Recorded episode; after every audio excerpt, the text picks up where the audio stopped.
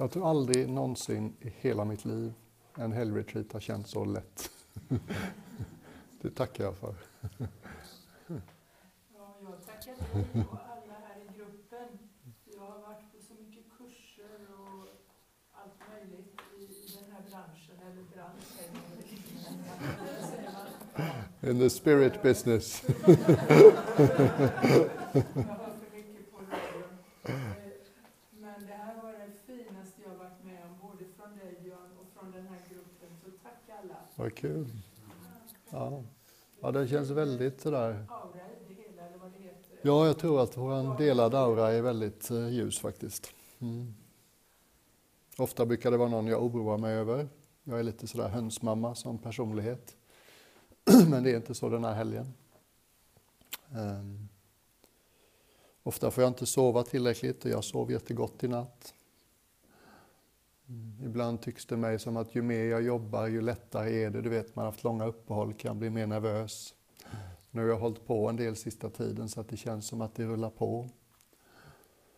Mm. Och sen är det något hur gruppen bara lugnade sig så fort. Det var lätt när vi möttes i fredags allihopa. Det har liksom varit lätt sedan dess. Så det innebär inte att det är lätt för var och en under helgen, för alla har vi säkert passager där det blir jobbigt under helgen. Men som helhet så upplever jag det som en väldigt så här självgående och lätt upplevelse. Men det är klart, jag kan ju alltid göra livet svårt för mig ändå. Så nu är liksom... På oss också. Vad sa du? Ja, visst. Ja, men du vet, man liksom sitter och tänker, okej, vad vill jag nu? Det här är föredraget, det är lördag kväll. Vi pikar här. Du måste vara djupsinnig för de som längtar efter djupsinnighet och har hållit på med det här länge. Du måste vara relevant för de som kom in genom dörren utan att någonsin ha gjort något liknande, så de inte bara sitter och känner att du pratar om en planet de aldrig kommer besöka. Ehm, det måste vara underhållande. Samtidigt måste det vara stringent så att man kan följa den intellektuella röda tråden. Samtidigt måste du variera det som ett smörgåsbord så alla kan plocka vad de tycker var liksom behagligt. Sluta! Vem skrev den här arbetsbeskrivningen? Jag håller på att fissla här lite för just föredraget brukar alltid bli en massa skrapljud från min tröja och sämre inspelning så jag tänkte om jag latchar till det så här så kanske det inte blir så mycket skrap. Jag tror jag får uppgradera min utrustning men jag är, jag är ovillig att sitta i ett bluetooth-fält liksom och de flesta sladdlösa är bluetooth-baserade. Så hur som helst, jag har en känsla av att jag vill tala om vad jag tänker mig som målet för andlig utveckling, slutpunkten. Bland annat. Jag vill inte tala om det på ett sätt som gör att ni sitter och känner oj, oj, oj, det där verkar jättesvårt, det där kan aldrig hända mig och det där kan ju inte jag hoppas på. Jag blir mest deppig av att tänka hur långt ifrån det jag är. Är ni med mig? Så kände jag själv i början när liksom hjältemunkar, hjältenunnor berättade om det där. Mm. Jag vill inte bli för abstrakt för vi har haft en lång dag och vi har rätt mycket idéer som jag har liksom presenterat. Mm.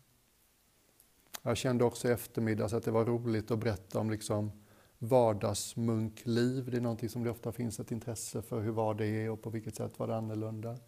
Jag vill vara med lite folkloristiska munkinslag. Så ni fattar, det kommer inte gå. Jag kommer behöva tre timmar. Ja. Men om man börjar med de riktigt liksom storslagna perspektiven, så innan vi ens ger oss in på dem så låt oss komma ihåg att vi ska inte tro att vi kan föreställa oss vad jag försöker prata om. Jag är inte upplyst, så jag pratar om en plats jag inte har besökt utan läst om i reseguiderna. Är ni med mig? Ehm, jag tror inte nödvändigtvis att det är så att vi inte har besökt den. Det kanske inte är så exotiskt som vi tror. Men det finns liksom pålitliga guider som pekar åt rätt håll och de inspirerar mig. Jag har alltid varit intresserad av historier av hur berättar de som har liksom tagit den här resan till sin slutpunkt. Och så finns det samtidigt, ni vet när man fick höra om Nobelpriset i fysik i veckan och tre killar, tre män som har liksom bevisat Einsteins teori att tidsrummet flexar beroende på hastighet. Och det har de gjort med ett experiment där det bland annat ingår en ljusståle som har färdats en miljard ljusår. Okej? Okay. Och så tänker jag ärligt talat, jag kan inte ens föreställa mig en ljusminut. Det finns inte, jag har inte hårdvaran som krävs, mjukvaran som krävs för att föreställa mig en miljard ljusår. Det är helt enkelt en oändligt för stor siffra. Och det finns ett sådant inslag i när man talar om uppvaknande och frälsning också. I zen-buddhismen i Japan talar man ibland om, eller det finns ett talesätt där man säger du kan inte tala med grodan i botten av brunnen om det stora öppna havet.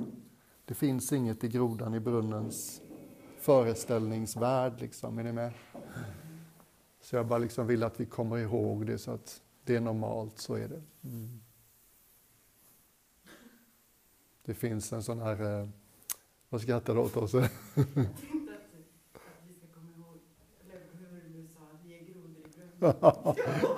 och jag är också en groda i brunnen. Vi kväker liksom. Nej men förstår du, jag vill bara liksom påminna oss om det. Att den här ödmjuken, man just det, det finns saker jag inte riktigt kan föreställa mig. Mm. Som liksom världens mest intelligenta och fantastiska filosof enligt många, Wittgenstein. Hans mest berömda högkompakta bok av tidlös djup insikt. Sista meningen är typ det finns saker som det inte går att prata om. liksom, ja, det stämmer. Mm. Det finns en bok från 60-talet som heter Flatland som handlar om ett samhälle som består av tvådimensionella geometriska figurer. Alla är liksom tändsticksgeometriska figurer, är ni med? Fyrkanter, trekanter och så. Och så liksom rockar det in en sfär i deras värld. Hello! och de kan liksom inte riktigt ta in det här, den är tredimensionell, det är helt det finns inget i deras värld som refererar till tredje dimensionen. Mm. Eller de här berättelserna om när eh, de spanska kolonisatörerna kom till Karibien för första gången och trodde de hade upptäckt Indien. Och människorna på land, de såg inte skeppen när de närmade sig fastän de visuellt var inom högst rimligt avstånd. Det var inte förrän liksom trollkarlarna, shamanerna i stammarna på öarna sa att de där kommer från någon annanstans, de vill oss illa. Då såg de båtarna, är ni med? Det är liksom, jag vet inte om det är sant, men det är också en historia som påminner mig om att det finns bitar som jag inte har någon kardborreband för inuti. Mm. Det refererar inte till någonting som jag redan vet. Så det var en väldigt lång inledande tänk på att det här är svårt.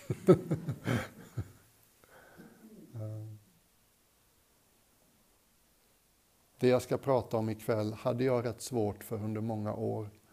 Första sex, sju åren som munk, så varje gång ämnet kom upp inom den buddhismen som jag hörde till så kallas ämnet anatta. Anatta, det är bara ett främmande ord, det kommer bli tydligt vad det handlar om. Så att eh, jag vill ju försöka undvika det. Mm.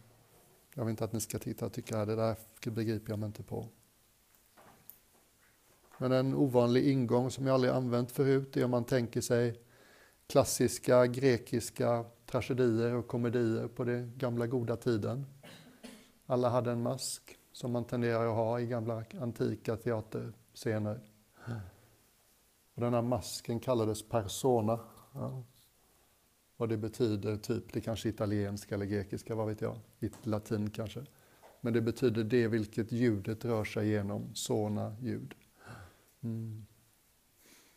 Och jag tror att det liksom oupplysta tillståndet, det icke-reflekterade tillståndet det är lite, jag är min personlighet. Det är det jag är liksom. Mm. Och enligt det här synsättet då, så är personligheten något ganska ytligt. Som är det vi visar för världen kanske. Att det finns något annat bakom det som animerar personligheten, som ger den liv.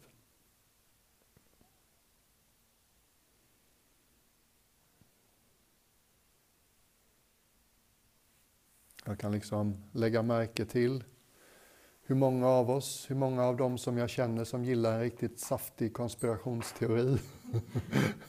det är något gött liksom att sätta tänderna i en trovärdig konspirationsteori. Och jag vet inte, men jag tänker mig att den liksom den pluggar in i den där delen av oss som alltid har känt att alltså, alltså, det är någonting med livet som jag inte har fattat. Det på något sätt har jag inte hela bilden. Det är någonstans känner jag att jag har liksom, det finns någon ridå mellan mig och verkligheten. Det är något jag missförstår. Mm. Man tänker på Buddha. Buddha är förstås ett sanskrit-ord som betyder den uppvaknade. Mm. Så indikationen är att innan så sov han. Och den där natten under fullmånen i maj Gaia, när han vaknade, han hade ett uppvaknande. Då slutade han att drömma. Mm. Då vaknade han. Som att det finns ett drömlikt inslag i nästan allas våra liv. Och vad är då det drömlika inslaget? Mm. Vad är konspirationen? Det är lite sådär som thriller, thrillerromaner. Det finns en läcka. Oh, läckan måste finnas på huvudkontoret för den har tillgång till den här informationen. Det var inte så många människor som hade det. Oh, läckan har kunnat läcka den här informationen. Det var ju bara ledningsgruppen som kände till det här. Det, är liksom, det kommer närmare och närmare centrat, är ni med? Och jag tycker att det är, det var en konstig liknelse som jag inte vet om jag hittat på själv eller om jag hört den någonstans.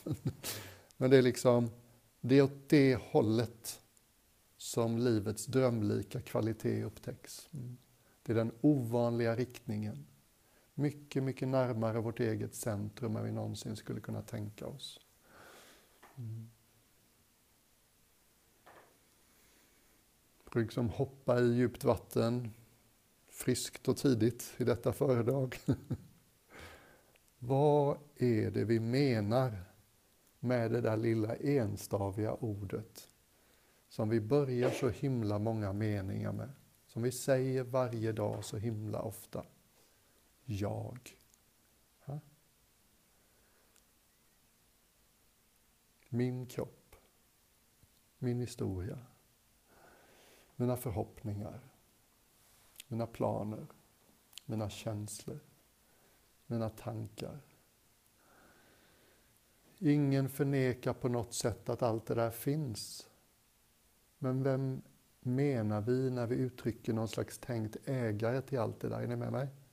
Mina tankar, okej, okay, jag är inte mina tankar, det låter inte som så. Det vore ju hemskt om jag var mina tankar, jag har ingen kontroll på dem. Det vore ju som att vara ägare till en buss som var liksom körd utan chaufför.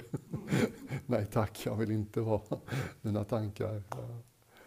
Men om jag då är mina tankars ägare, mina känslors ägare, mina minnens ägare, kroppens tänkta ägare. Aha, hur kan jag liksom få någon känsla för direkt vad den här ägaren, hur känns det? Vad är det? Är ni med mig? Mm. Och det är förstås den rakt motsatta riktningen att vända sin uppmärksamhet mot nästan allt som vi uppmuntras till i livet överhuvudtaget. Mm. Allting är liksom subjekt eller objekt för oss, för de av er som är bekväma med grammatiska termer. Känslor är objekt, andra människor är objekt. Våra tankar är objekt, kroppen kan vara ett objekt för vår uppmärksamhet. Men vem är subjektet? Vad är subjektets natur? Vilken underliggande verklighet pekar de tre bokstäverna J, A, G på? Mm. Och det här känns ofta som att liksom försöka se sig själv, se sina egna ögon utan att ha hjälp av en spegel. Är ni med mig? Liksom, men det kan jag ju inte veta eller uppleva. Det är ju liksom därifrån jag möter världen. Mm. Jag tänker mig till exempel Jesus. Det är lördag kväll, man får ta ut svängarna lite då. jag tänker mig Jesus på korset. Jag tänker mig en av de mest häpnadsväckande, förtvivlade bilderna av mänskligt lidande jag någonsin har stött på. Han tyckte sig ha upptäckt något. Han satsade allt på det kortet. Han gav allt. Han fick lärjungar, han fick vänner. Så småningom blev han förrådd i blomman av sin ålder. Av någon som stod honom väldigt nära. Han blev dömd som en vanlig brottsling. Han spikades upp på ett romerskt tortyrinstrument. Det går knappt att liksom tänka sig ont det måste göra att få spika genom handleder och anklar och allt vad det nu var. Mm. Och alla de som han hade liksom gett sitt allt för, lärjungarna och närmaste kretsen, de var inte där i hans mörkaste stund. Det var typ hans vad var det, mamma och Maria Magdalena och ett par stycken till. Det var inte många som stod kvar vid hans sida.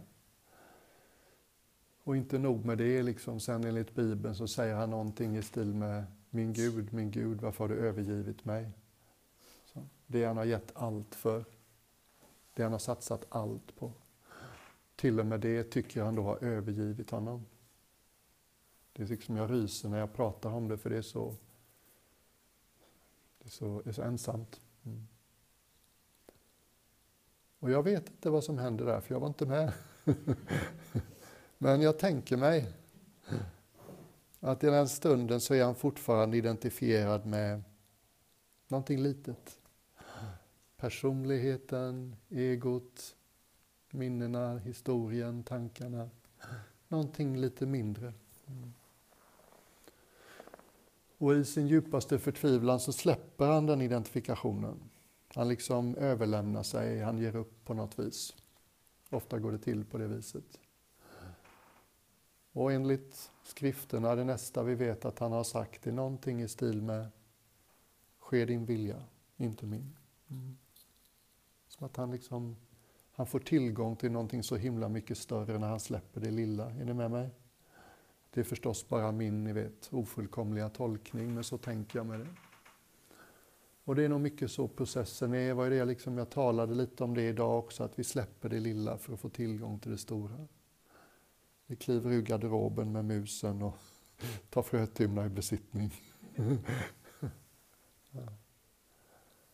Det är nästan som att någonting majestätiskt liksom har väntat på oss hela livet kan jag känna i sista meditationen idag. Och jag fattar om du inte känner igen dig i det, men liksom eh, så kan det kännas ibland tycker jag. Mm. Det är inte långt borta. Det händer inte bara människor i andra kulturer, i andra tidevarv. Jag skulle säga att det händer mer än någonsin nu. Jag följer ju Adyashanti, den här amerikanska läraren. Första gången jag var med på ett retreat hade jag bara kommit hem från munklivet i ett halvår. Jag hade ju liksom, det är ju inte det att man inte har tillgång till saker när man är munk eller nunna. Det var ju massa människor som frågade mig, Nattiko, är det någonting jag kan hjälpa till med? Ja tack, gärna en CD-samling med Adyashanti. Så jag hade ett ganska mäktigt bibliotek med hans föredrag och meditationer redan som munk. Och man bytte och sådär. Så att när jag gick på första retreaten med honom så eh, hade jag säkert lyssnat på ett tusental timmar med hans föredrag och meditationer och så.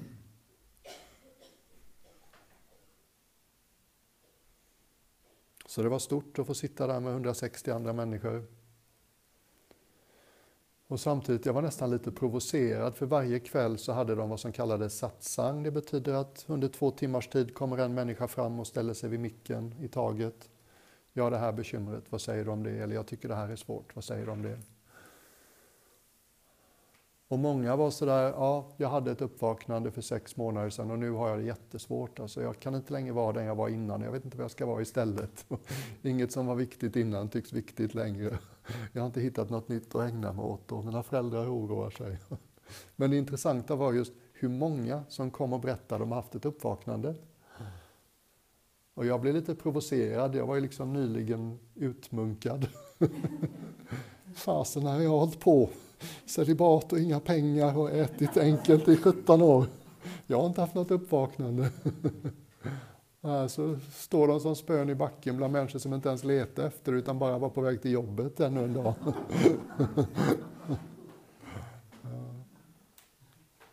Och nu har det ändrat sig. Det här är ju åtta år sedan och jag åker på retreat en vecka varje år med Adyashanti. Och nu är det bara, jag sitter bara så här och myser. Oh yes, oh yes, bring it on. Vad härligt liksom. Människor poppar under alla möjliga sorters omständigheter. Människor som har lång andlig erfarenhet, människor som har ingen andlig erfarenhet alls. Mm.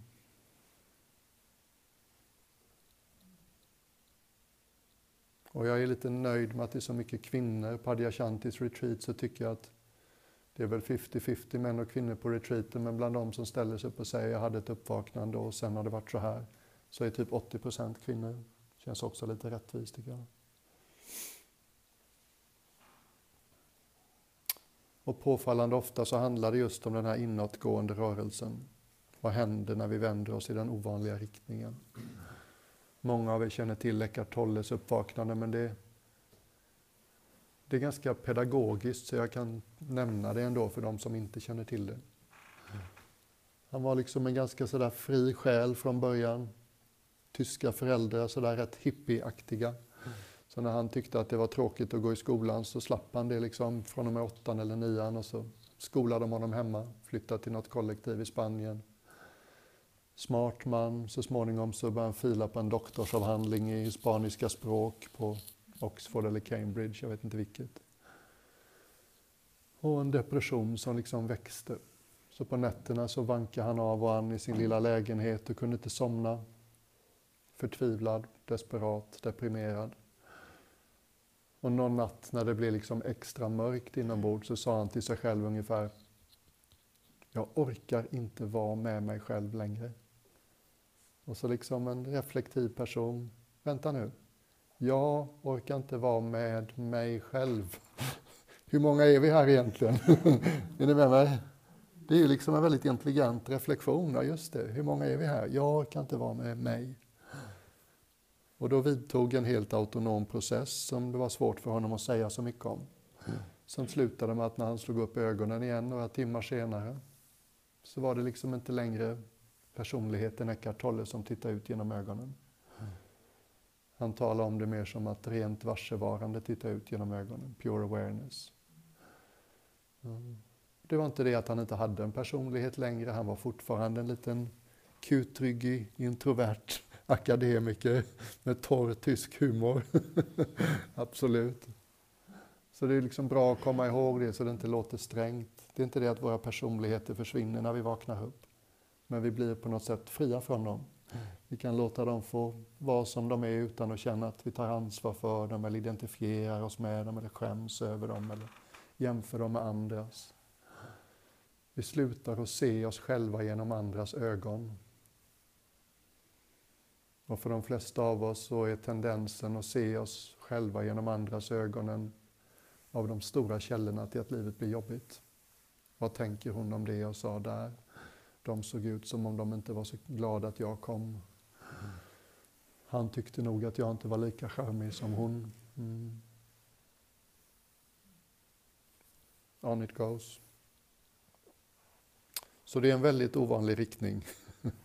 Rakt in mot vårt eget centrum en av mina, min största kristna idol. Det är en eh, punkig präst från 1200-talet som eh, hette Meister Eckhart.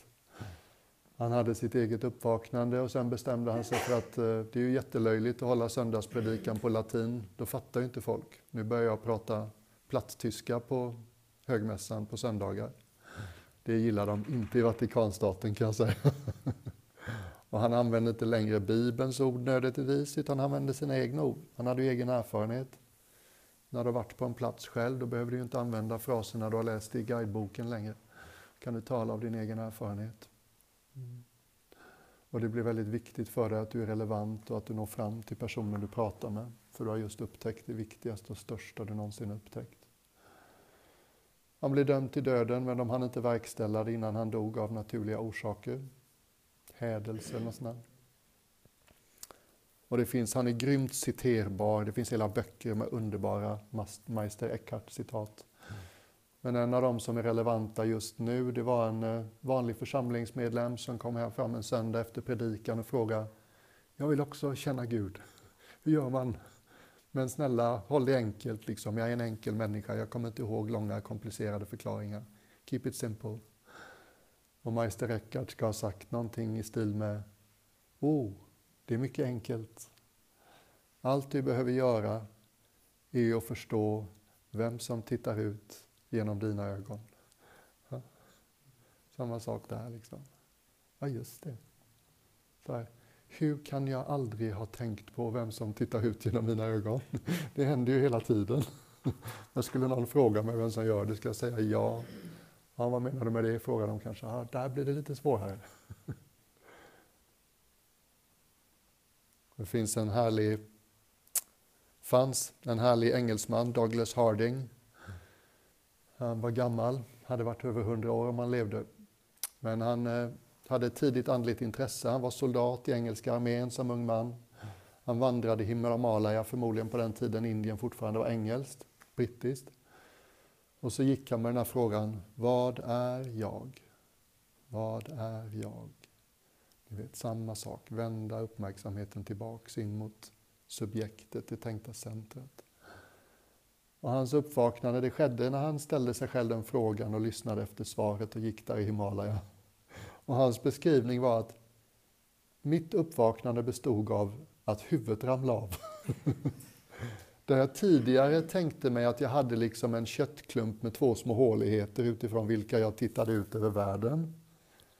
Det hade försvunnit helt i huvudet och nu fanns det istället bara ett öppet visuellt varsevarande.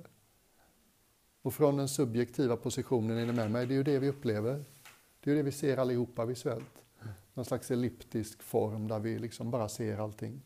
Jag sitter ju inte här och känner att jag har en köttig klump med två små håligheter här. Ni har det, det kan jag se. Men inte jag. Jag har ett stort öppet fält här som tar in allt. Han var väldigt rolig. Det tycks också vara en del av uppvaknandet att det är svårt att ta sig själv på allvar efter det. Man har lätt att skämta. På ålderns höst så snubblade han för trappan på kvällen. Hans fru var bortrest. Han bröt några ben i höften. Så han låg där på golvet vid hallen och entrédörren hela natten och nästa förmiddag så knackade Jehovas eh, vittnen på dörren. Heter de det? Ja, Jehovas vittnen. Mm. Det, det säger jag rätt va? Ja. Och så liksom hojtade han till från hallen och så pratade de genom brevinkastet så att säga och de eh, ringde efter låsmedel och allting löste sig. Han kom till sjukhus och fick hjälp. Och sen efter det så gick han liksom i månader och sa till alla som orkar lyssna I've been saved by Jehovah's witnesses.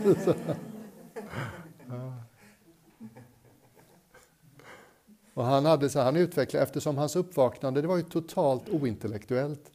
En fyraåring fattar ju den grejen. Liksom. Ja, just det. Ett öppet visuellt fält, det är vad jag upplever från den subjektiva positionen. Det krävs ju liksom, du behöver inte läsa en enda rad för det. Och det tycker jag om. På Buddhas tid så fanns det sjuåriga barn som vaknade upp, så det ger oss en påminnelse om att så himla intellektuellt krävande kan det faktiskt inte vara. Det krävs en viss sorts uppmärksamhet som är ovanlig och vänder sig i den ovanliga riktningen. Men det är inte komplicerat intellektuellt. Och Douglas Hardings första bok efter hans uppvaknande hette On having no head. och den nästa var mer fokuserad på liksom stressbehandling. Den kallade han Heading off stress. Han har skrivit den bästa boken om jämförande religion jag någonsin har stött på. Jag tror han var religionsprofessor också. Nej, arkitekt var han. Magisk, underhållande, jättekul, originell och konstig. Jag vet inte vad den heter, men Douglas Harding och Comparative Religion borde inte vara svårt att googla fram.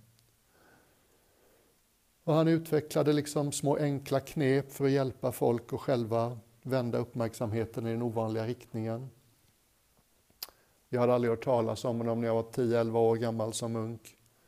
En dansk munk som jag tyckte mycket om var på besök i vårt kloster efter testunden så hoppade han upp på köksbordet och sa kom här, sätt dig bredvid mig nu ska vi, ska vi göra något. Gör som jag, sa han. Okej. Okay. och så liksom började han så här. Tak, fönster, manskropp, kvinnokropp, parkett, klocka, matta byxa, tröja.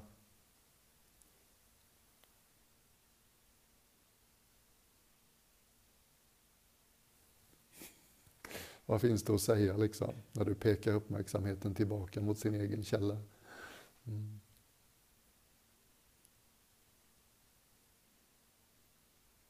Och hade det varit lätt att förklara det här, hade det funnits ett femstegsprogram som funkar för alla människor, så hade det gjorts.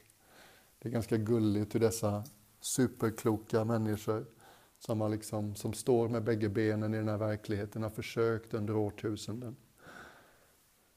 Fantastiskt vackra försök, liksom Buddhas försök så vackert. Jesus försök så vackert. Mm. Alla sufi-poeterna liksom, som skrev dikter och späkte sig och hyllade det här de hade hittat i poesi och musik. Och, och ändå, det är inte lätt för någon nästan. Eller det kan väl vara lätt, men det, det är svårt att hitta något liksom linjärt och rationellt som funkar för alla. Finns en eh, härlig amerikansk kvinna som jag nämnde i en av mina meditationer. Byron Katie. Ganska kolerisk och neurotisk fastighetsmäklare i Kalifornien. Hon blev så jobbig så hennes barn flyttade till sin pappa och pappan skilde sig från henne för de orkade inte med henne. Hon hade så regelbundna vansinnesutbrott och var så svajig i humöret.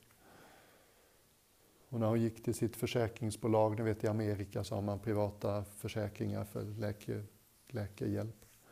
Så allt de kunde ge henne var en plats på ett eh, husvagnspark för kvinnor med ätstörningar. Där fick hon liksom en, en plats så hon kunde vila sig lite från sitt nervösa sammanbrott. Hon hade ett sånt självhat, apropå den inre kritiken, att många kvällar så sa hon till sig själv, jag förtjänar inte att sova i en säng i natt. Mm. Jag ska sova på golvet i natt. Liksom fatta en begagnad husvagn jag vill inte ens tänka på hur den heltäckningsmattan är. Så det ger oss liksom en känsla för ett ganska sådär wow, det kallar jag självhat. Och det hade varit en sån natt. Och det här är en människa som inte har visat något andligt intresse eller liksom någon lutning åt det hållet alls. Och efter den här natten så vaknar hon, öppnar sina ögon. Det första hon ser är en kackerlacka och det är det vackraste hon någonsin har sett. och den natten så hade ett helt spontant skifte ägt rum. Precis som Eckart Tolle formulerar sig på ganska exakt samma vis. Det var inte längre jag som tittade ut genom mina ögon. Det var pure awareness. Mm. Hon var inte alls sugen på att bli en lärare. Hon var bara så glad att hon inte mådde dåligt längre. Hon drev omkring liksom i det här ökenlandskapet och bara njöt av solen och naturen och kände sig så lätt inombords och inte längre var tyngd och deppig. Så de kallade henne, liksom, vad var det? Folket i byn där i närheten kallade henne Kvinnan som blev vän med vinden. Kvinnan som blev vän med vinden. Tack ska du ha. Mm.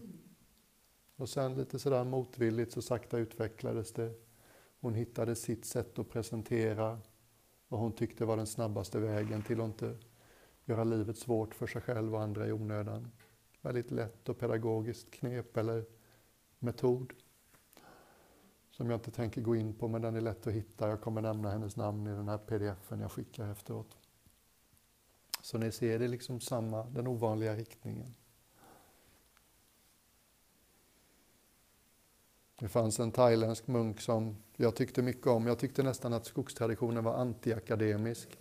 Jag kunde bli lite trött nästan på att skogstraditionen nästan avfärdade skrifterna. De kunde säga sådana saker som att jo då, buddhistiska skrifterna är väl okej okay så långt de räcker, men de räcker ju inte hela vägen. Så men kom igen nu. De är viktiga för mig. Men det fanns en skogsmunk som var hyllad ansågs upplyst och som hade både liksom den meditativa erfarenheten och förverkligandet och dessutom var väldigt kunnig på skrifterna. Och Thailands kung och drottning de vände sig till honom som sin andliga mentor så de besökte honom regelbundet och liksom kom med gåvor och ställde frågor.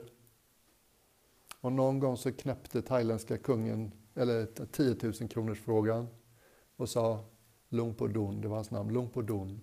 Blir du någonsin arg? Det är lite sådär, ja, men är man upplyst då kan man inte bli arg liksom. Så tänker en del. Och Lumpodon svarade, nej det är det perfekta svaret. Han sa bara, det är så fint, på thailändska är det supersnärtigt, det blir inte så snärtigt på svenska. På thailändska är det bara, mi, det ao. Och på svenska blir det ungefär Ilska uppstår, men ingen tar den i besittning. Tänk liksom när vårt inre rum är så stort. Där finns plats för allt. Liksom. Alla känslorna som vi tidigare har skyggat för eller känt oss obekväma kring. Allt får liksom bara bränna igenom. Ja, jag behöver inte tro på någonting, jag behöver inte hålla borta någonting. Svårt att tänka sig hur ett sådant medvetande fungerar, men jag tycker det är en fin bild. Det liksom, ja just det. Ska vi vänta till jag aldrig upplever ilska eller avundsjuka eller svartsjuka eller irritation eller otålighet eller kättja eller rädsla eller sorg. Då får vi vänta till kossorna kommer hem. Då blir vi aldrig färdiga. Ja. Men eh, tanken på att vad jag egentligen har tillgång till, mitt inre rum i sin fulla flärd, liksom, i sin fulla fjäderskrud. att det skulle kunna vara så stort så där finns plats för allt. Det, jag älskar idén, jag är till och med ganska övertygad om att det är så det ligger till. Är ni med mig? Det här är abstrakt.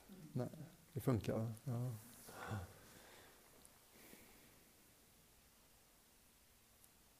Pratade rätt mycket om det här sist också. Nu tänker jag på dig Maria, är du uttråkad? Så.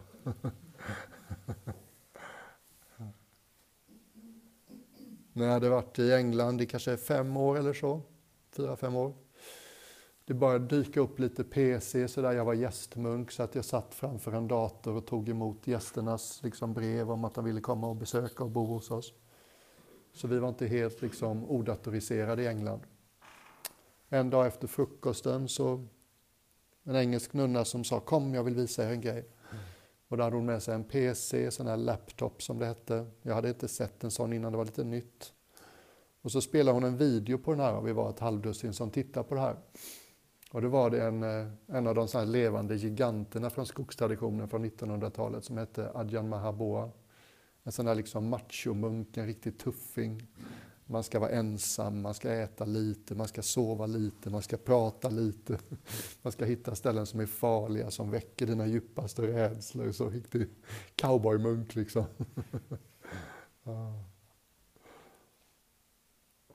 Och så var det ett föredrag han höll som visades på den här videon. Tusentals människor som satt och lyssnade andäktigt. Och han började prata om hans eget uppvaknande. Och det skedde då typ 1957 klockan 14.23. Han hade väl ingen klocka på den tiden men en aspekt av uppvaknande tycks vara att man vet precis när det hände. Så att han liksom kom väldigt väl ihåg ögonblicket och tillfället. Och fortfarande, det här är då 40 år senare, slutet av 90-talet.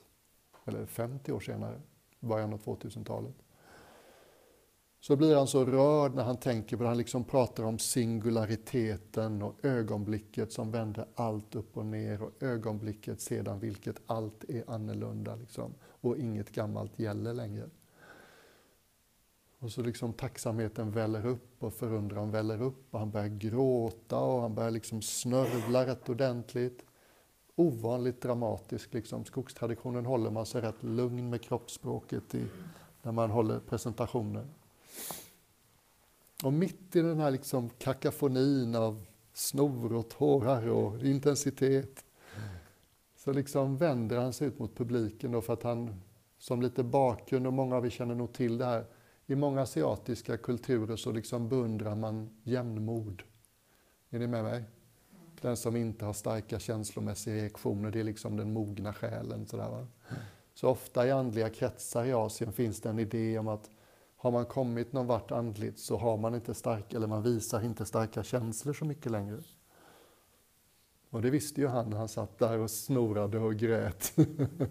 han liksom bara vände sig ut och pekade på publiken och sa Jag vet vad många av er tänker just nu. Ni tänker att han kan väl inte vara upplyst, han sitter där och gråter, man kan väl inte ha sån sorg när man är upplyst. Det känns ju rätt oupplyst. Om ni visste hur fel ni hade, ni har ingen aning. Personligheten fortsätter precis som den gjorde innan. Den är bara friare och mer obekymrad kring att uttrycka sig precis som den känner och tycker och vill.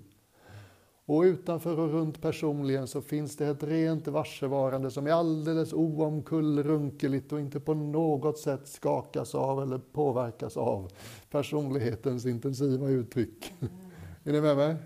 Att det liksom, wow! Det är lite som det där inre rummet vad gäller vreden i förra historien. Att det också kan få vara så utanpå liksom. Mm. Inte längre bekymra sig om vad någon tycker. Den här personligheten fick jag, jag valde inte, det blev så här. Det var ingen som frågade mig om jag ville vara den jag var eller om jag ville byta. Det här är den jag har fått, det gäller ju oss alla liksom.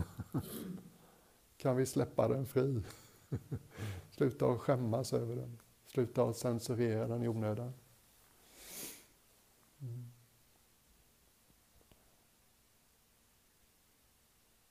Jag gillar verkligen att berätta historier om det här. Jag skulle kunna hålla på hur länge som helst och bara berätta upplysningshistorier. Liksom. En till måste jag få dra. Det finns en, eh, ett stökigt helgon i Bombays Red Light District. Eller fanns, han dog på 70-talet. Han var affärsman, han var fattig. Han hade ett litet, en liten affärsrörelse som gick ut på att sälja cigaretter. De av er som har varit i Indien kanske minns att de har de här enkla, det är ett tobaksblad som man rullar ihop och knyter en sytråd runt. Väldigt billiga cigaretter, kostar nästan ingenting. Man kan känna igen de som röker bidis, de cigaretterna, för att de har alltid massa små hål i skjortan. Det är liksom alltid glöd som faller från det här lövet, tobaksbladet. Ehm. Och som det händer bara i Indien, det händer väl ingen annanstans, så i 35-årsåldern typ så träffar han sin guru. Han har inte letat efter sin guru tror jag, aldrig varit speciellt intresserad av andlighet. Och den här gurun som gör ett otroligt intryck på honom säger någonting i stil med Du är den absoluta, orubbliga verkligheten. Okej, okay. kul att höra men kan du hjälpa mig lite? Hur kan jag liksom göra det till en del av min upplevda verklighet? Och då säger gurun typ, vila i jag är. Ja, det är samma sak där. Liksom. Vad kan jag få för känsla för det? Jag är. Det kan till och med vara så att gurun sa jag är det. Det är en sån här klassisk indisk mantra. Mm. Vila i det som tycks vara källan till allt du är med om. Vila i det som tycks vara källan till dina tankar, till dina känslor, till förnimmelserna, till synintrycken, till smakintrycken. Mm. Vila i det som tar emot alla intryck, ur vilket allting springer. Tre, fyra år ägnade han sig åt det de flesta lediga stunderna när han inte hade affärer med sin cigarettimperium. Och sen öppnades sen verkligheten. Och precis som Buddha så började han efter sitt uppvaknande med att ingen kommer fatta, det här är för subtilt. Jag drar till Himalaya och chillar ut den här livstiden. Och gläds liksom åt allt jag har nu. Och på vägen till Himalaya, precis som Buddhan, så var det någon som sa uh, uh, uh, Jag ser att du har något, du har hittat något. Det vore själviskt att bara gömma det i en hydda och låta dagarna gå. Det här är för värdefullt, det här är för sällsynt att någon upptäcker det här. Det här får du faktiskt försöka dela med dig av. Han åkte tillbaks hem, spikade en extra våning på sitt lilla hus i slummen i Bombay. Jag tror om de knödde ihop sig så de satt liksom skuldra mot skuldra så fanns det plats för 25-30 pers där sent 60-tal, ni vet, första vågen av hippies från västvärlden. Tog sig med bussar och liftandes över marken till Indien. Hörde talas om den här mannen, han är inte speciellt känd bland indier, han är för stökig för indierna. De vill ha mer milda liksom, helgon.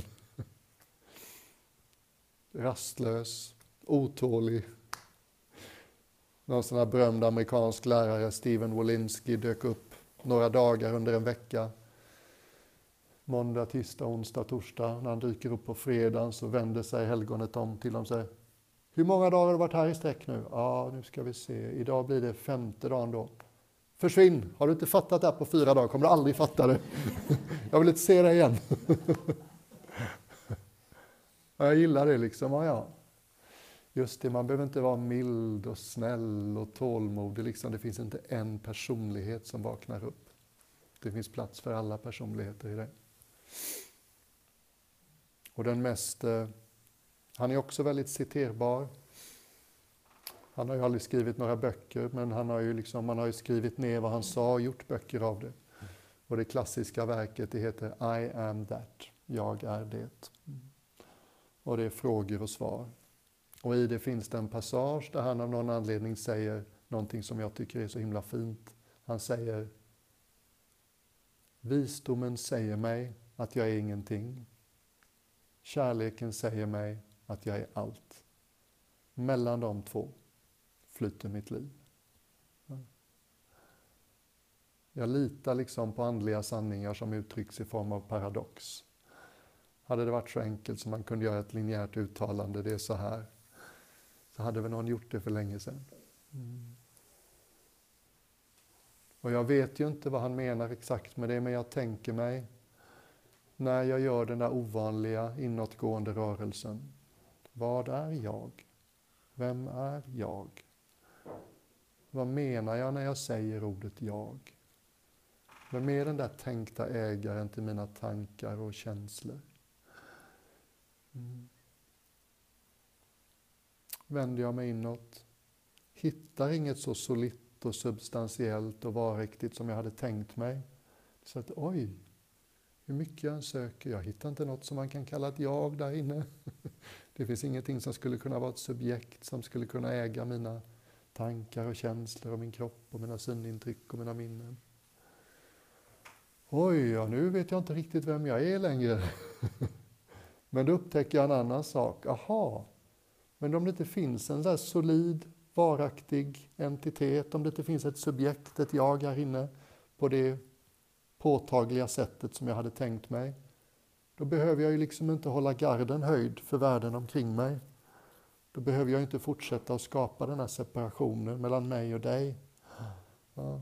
För om det inte finns någon solid ägare till vad jag upplever, vad är det då som är så farligt liksom med att sänka garden och ta in dig utan att vara rädd för att vad du ska tycka om mig eller att jag inte är smart som dig eller att jag får fel eller att du inte förstår mig. Och det blir liksom den vändande välsignelsen. Just det, jag tittar inåt, jag upptäcker att oj då, här finns inget så solitt som jag hade tänkt mig när jag använder ordet jag. Jaha, men då är det ju ingen anledning att vara så försiktig och skapa så mycket separation och så höga barriärer mellan mig och andra människor. Då kan jag ju sänka garden. Och då uppstår någonting som känns som mycket mindre separation. Då uppstår mycket mer en känsla av vi istället för jag och du.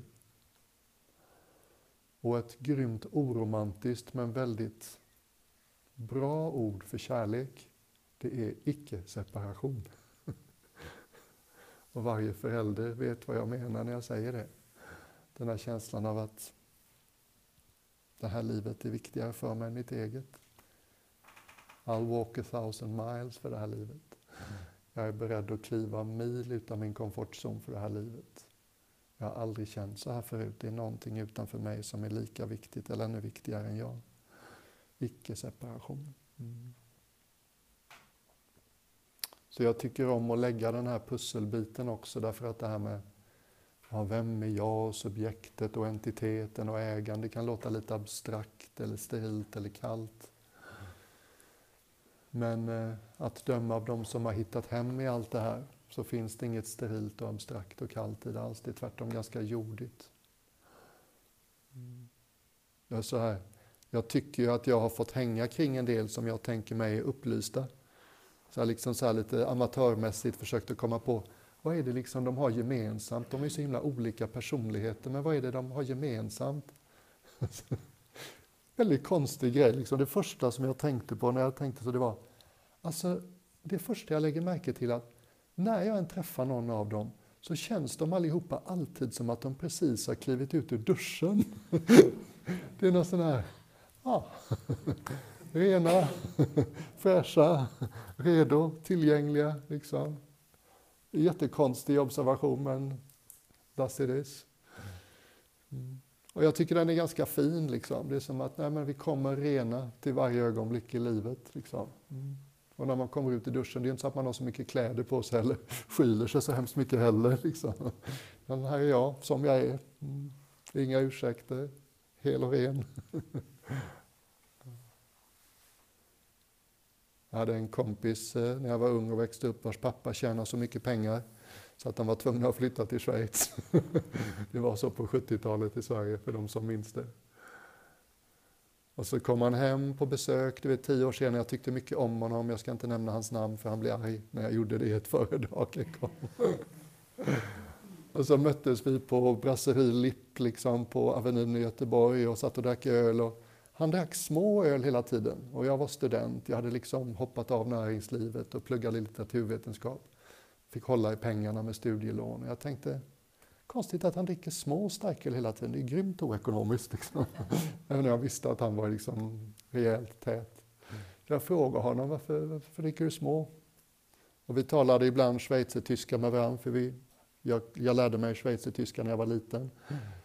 Jag talar tyska med ibland också. Han liksom, det här är liksom en man som jag tycker mycket om, som är väldigt barnkär, som har tagit hand om min yngsta brorsa jättefint. Vi har åkt skidor på jularna tillsammans, nära varandra. Han höjer sitt lilla starkölsglas och säger Immer frisch. och de som kan tyska vet att det betyder alltid friskt, alltid färskt, liksom, alltid fräscht. Det är liksom också en sån här liten vignett, just det, det är samma känsla där. Tänk att komma immer frisch till livet. Liksom. Tänk vad gött det är att mötas av någon som ser ut som att de inte har några förutfattade meningar om dig. Där är du.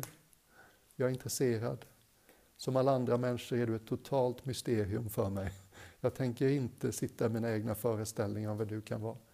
Jag vill liksom att du ska hjälpa mig att lära känna dig. Tala med en sån människa. En människa som inte sitter fast i en position utan vet att alla positioner är relativa. Som alltid är beredd att ompröva. Mm. Uppfriskande på riktigt. Mm.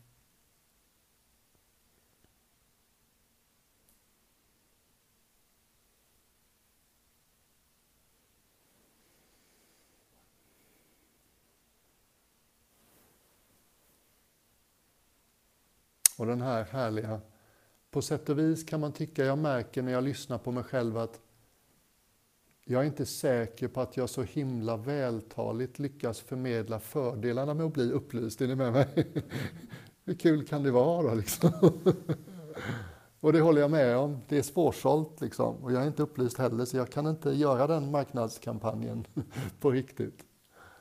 Men jag tycker också om de här, tänk då den här hårda macho-skogsmunken som sitter där och snorar och gråter 50 år efter sitt uppvaknande. Det säger något. Det säger något.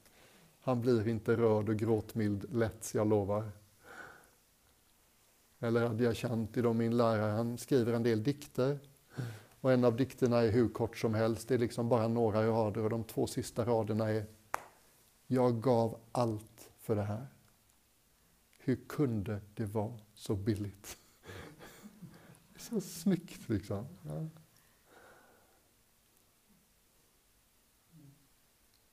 Och jag liksom, när jag duschade, jag försöker alltid hitta nya sätt att liksom förmedla, göra mig förstådd bättre. Det var någon sån där handgest som kom igen och igen. Liksom när jag tänker på hur jag beskriver de här upplysta människorna som tyvärr mest är män. Jag tror inte det beror på att det oftast är män som har blivit upplysta, jag tror att det är de som har pratat om det mer. Det finns mycket mer utrymme för män att få prata historiskt på den här planeten. Och väldigt mycket av det tycks vara liksom så här. Ja, ilska uppstår, men ingen tar den i besittning längre. Ja, personligheten finns kvar, men ingen liksom tar den i besittning eller identifierar sig med den. Den, fri, den blir fri. Mm. Det var inte lilla Eckart Tolle eller lilla Byron Katie-personligheten som tittade ut genom deras ögon längre. Det var något större. Mm. Det är som att vi gör oss själv små utan att veta om det. Vi har liksom krampat med knytnäven så länge så vi märker inte ens att vi gör det längre. Och då och då är det någonting som liksom får oss att slappna av en kort stund och wow, mitt ögonblick i Karlskrona med brödrosten. Ditt ögonblick med ett barn som föddes eller vad det nu kan ha varit. Jag kan även uppleva när folk dör. Jag har varit exceptionellt nära döden på det sättet att man som munk eller nunna i min tradition har rätt mycket med döden att göra. Mm. Och det var alltid liksom en känsla av privilegium och respekt att få sitta med en människa i döendeprocessen. Och när en människa var död så var det så himla tydligt. Wow! Vad det än var som var den där människan så är det inte här längre. Kroppen ser precis likadan ut, liksom. den har inte börjat stelna eller blekna eller någonting. Men det är så himla tydligt att det som var livet, vitaliteten, själen, anden i den här människan, it's gone. Mm. Och det har tittat ut genom dina och mina ögon hela livet. Mm. Och Meister Eckharts lilla pointer tycker jag är så grym. Och på ett mer vardagligt plan, nu är det sådär liksom, Björn inser att han har fem minuter på sig och har glömt det där underhållande folkloriska inslaget. och känner att han har varit väldigt allvarlig. och han lovade sig själv att inte bli för allvarlig, men han har så lätt för det för att this is important to me. Men nu i alla fall, nu kommer det underhållande folkloristiska avsnittet. Som jag tänker knyta an till det djupsinniga med hjälp av handrörelsen. Och det kan vara så att några av er tänker att ja, men kloster, skyddad verkstad. Mm. Nej, så var det inte i våra ställen. Folk kom och gick. Gästerna bodde hos oss, det var gratis. Äta var gratis, till och med böckerna och CD-skivorna och undervisningen var gratis. Man lär sig liksom lite om tillit när man lever utan pengar och inte kan bestämma vilken säng man ska sova i nästa månad och vem som kommer in och bor med dig nästa vecka. Och på somrarna, så, som jag sa kanske, så gick vi ut och vandrade. Det finns mycket roliga historier från den tiden. Men just ikväll så skulle jag vilja berätta om en historia som det kan ni säkert tänka er, liksom vi befinner oss i England, man har inga pengar, man får inte spara en banan från igår till idag, utan varje dag är du immer frisch. helt utlämnad till främlingars goda hjärta. Och den här sommaren hade jag och den engelska munken bestämt oss att vandra runt Isle of Wight. Han växte upp där så det fanns lite möjligheter. Hans systrar lovade att komma ut en dag och ge oss lite mat. Första kvällen så sov vi över hos hans mamma och nästa morgon så bjöd hon oss på det som han älskade, en sån här full English breakfast. Liksom. Extremt manlig mat, väldigt mycket fett, väldigt mycket protein. Och när man gick ut och började vandra efteråt kändes det som att jag kände mig liksom som en strandad val. och vi lunkar på där. Ryggsäckarna är rätt tunga första dagen.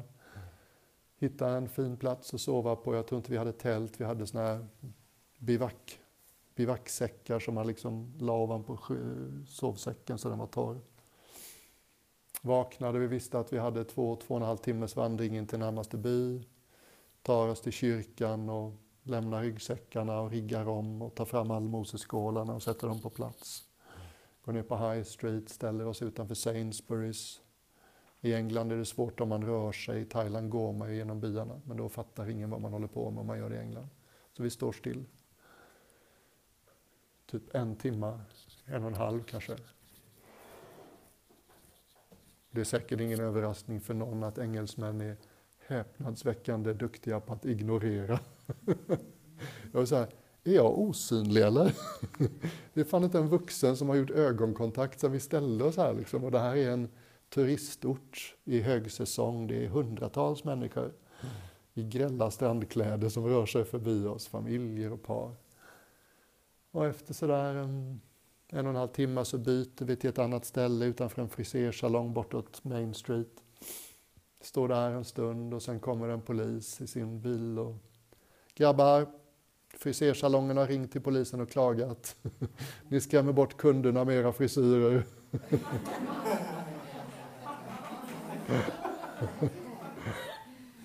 och dessutom är det olagligt att tigga på Isle of Wight. Move along, move along. Och jag var liksom den äldsta munken så jag sa konstapeln, vi tigger inte. Det här är vårt enda sätt att utöva vårt levebröd. Du ser ingen lapp framför oss. Vi ber inte någon om någonting. Vi står här, vi är tysta, vi är tillgängliga för allmosor. Det är inte samma sak som att tigga. Mm, nej, okej okay då. Men flytta på er, liksom. ställ er någon annanstans. Så vi är tillbaks ner till Sainsburys. Och som ni säkert förstår, man har vandrat en 25 kilometer med ganska tung packning, man har inte ätit på 22 timmar, man är superintresserad av mat. Man får äta mellan gryningen och mitt på dagen enligt buddhistiska traditionen, i Thailand i alla fall. Och i England så definierar vi på sommaren mitt på dagen som klockan ett, soltid mitt på dagen. Och klockan börjar bli liksom 20 över 12 och jag kände, hmm, jag står liksom och darrar med benen. Ni vet sådär hungrig som man kan vara ibland så man förstår hur djuren är, de darrar liksom av hunger. Jag var jättetrött och liksom, jag vill, jag vill, jag vill, jag vill så himla ha. Snälla, snälla, kan inte någon stanna, snälla, snälla. Och min civilekonomsida gick igång sådär. Det här är ett informationsproblem alltså. För att kapitalism ska fungera så måste det råda fritt flöde av information på marknaden.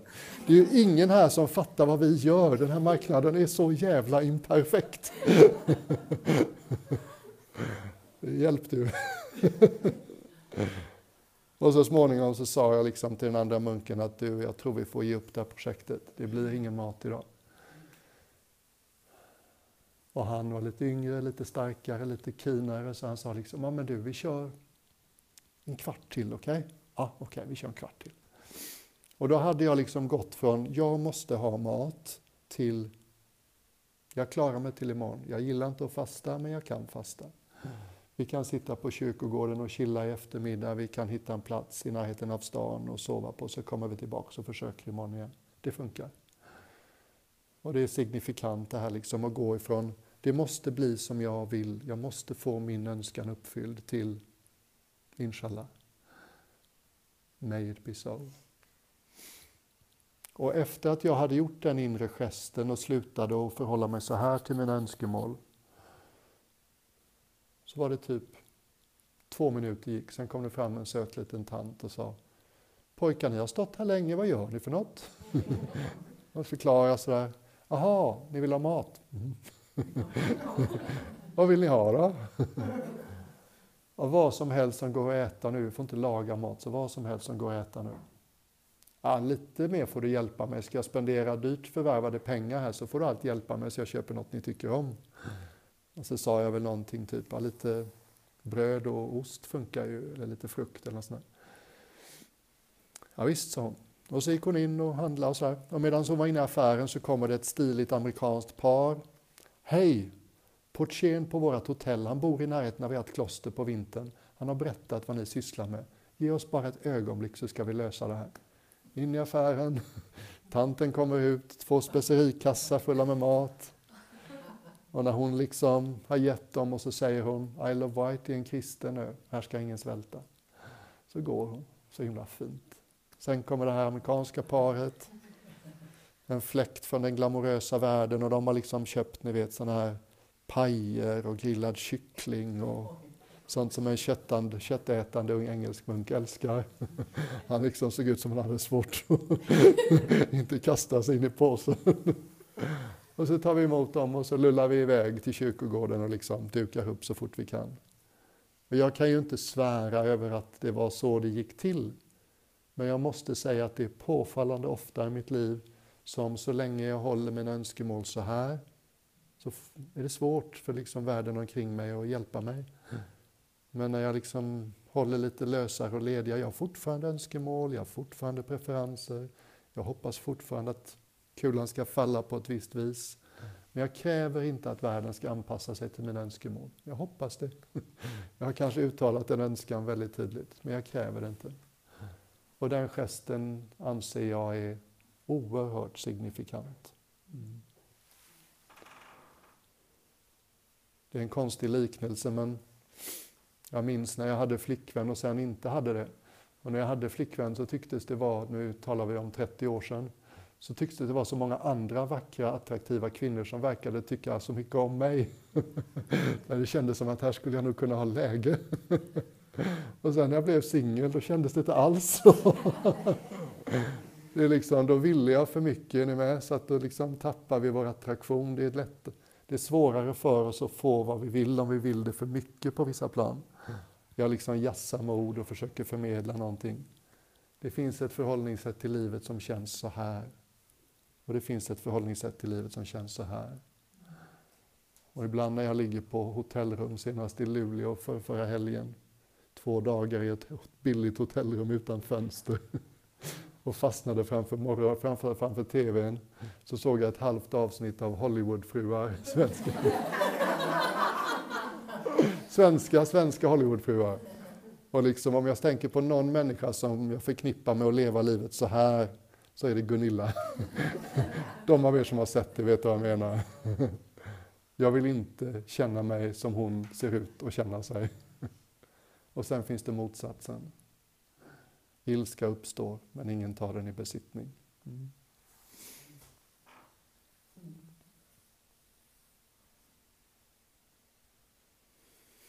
Där tar det slut för ikväll.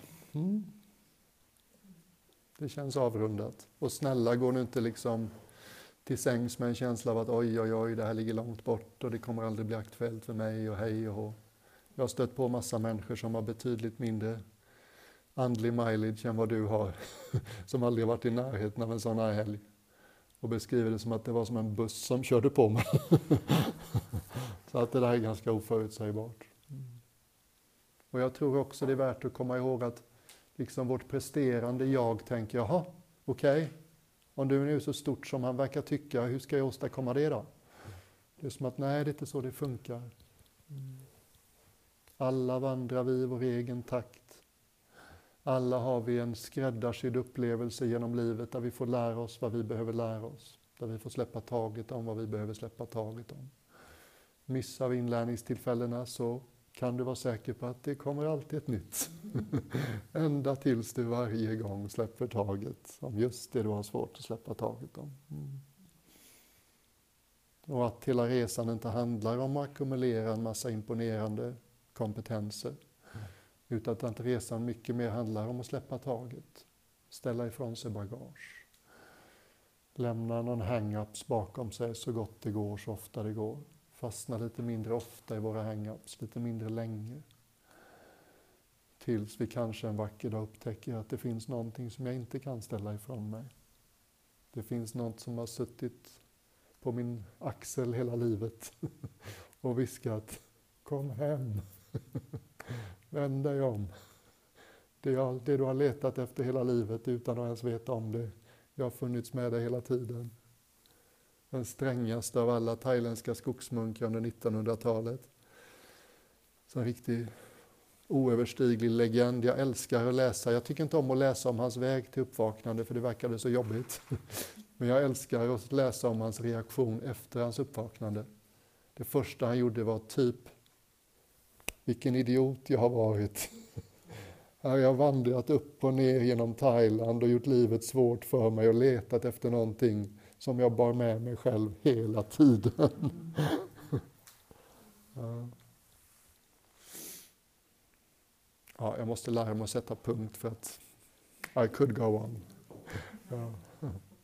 Tack för hur ni lyssnar, vad mysigt. Mm. Tack. Tack. Mm. Så låt oss liksom vara i det här. Komma tillbaks till tystnaden. Och finns det någonting i vad som har hänt idag som har liksom känts värdefullt och viktigt för dig?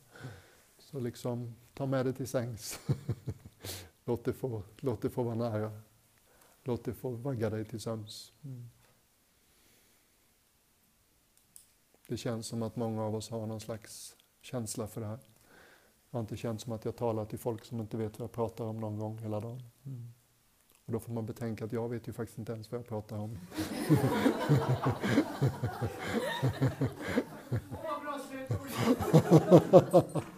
Där står det slut.